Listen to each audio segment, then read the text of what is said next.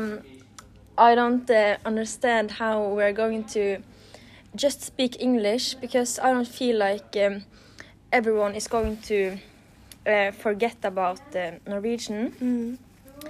Uh, because we learn it in school and um, that's what Um, but uh, on the other side, I think that we are today uh, re- replacing uh, a lot of Norwegian words with English words, and therefore I think uh, in about a lot of years, maybe we use more English words than Norwegian, and in that way we are replacing the Norwegian language with the English language. Yeah.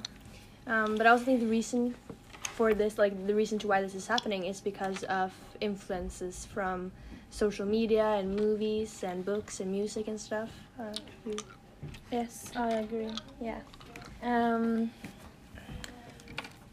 And I also think that mm, because a lot of um, the news, for example, Yeah. in what is happening in USA now, um, if we haven't had uh, haven't used the English, maybe we haven't.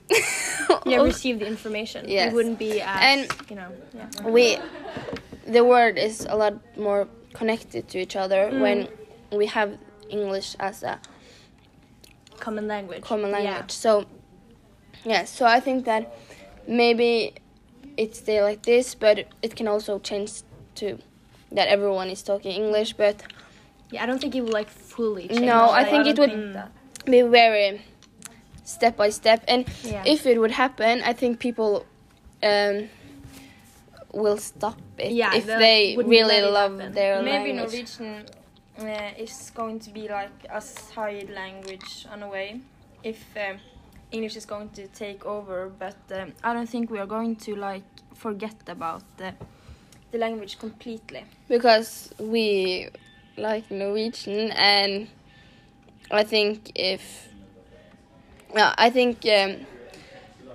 most of the people will stop it if it. Yeah, if it Take- goes yeah that I far. also Yeah. I also think so. Yeah.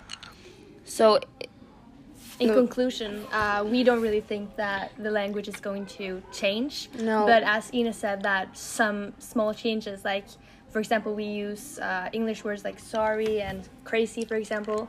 Those small changes might happen, but we won't like fully change our language. no, and maybe get uh, some new words Yeah. that is English but uh, yeah I don't think uh, it's going to change Yeah. okay. okay. So thanks. Thank you for listening. Yes.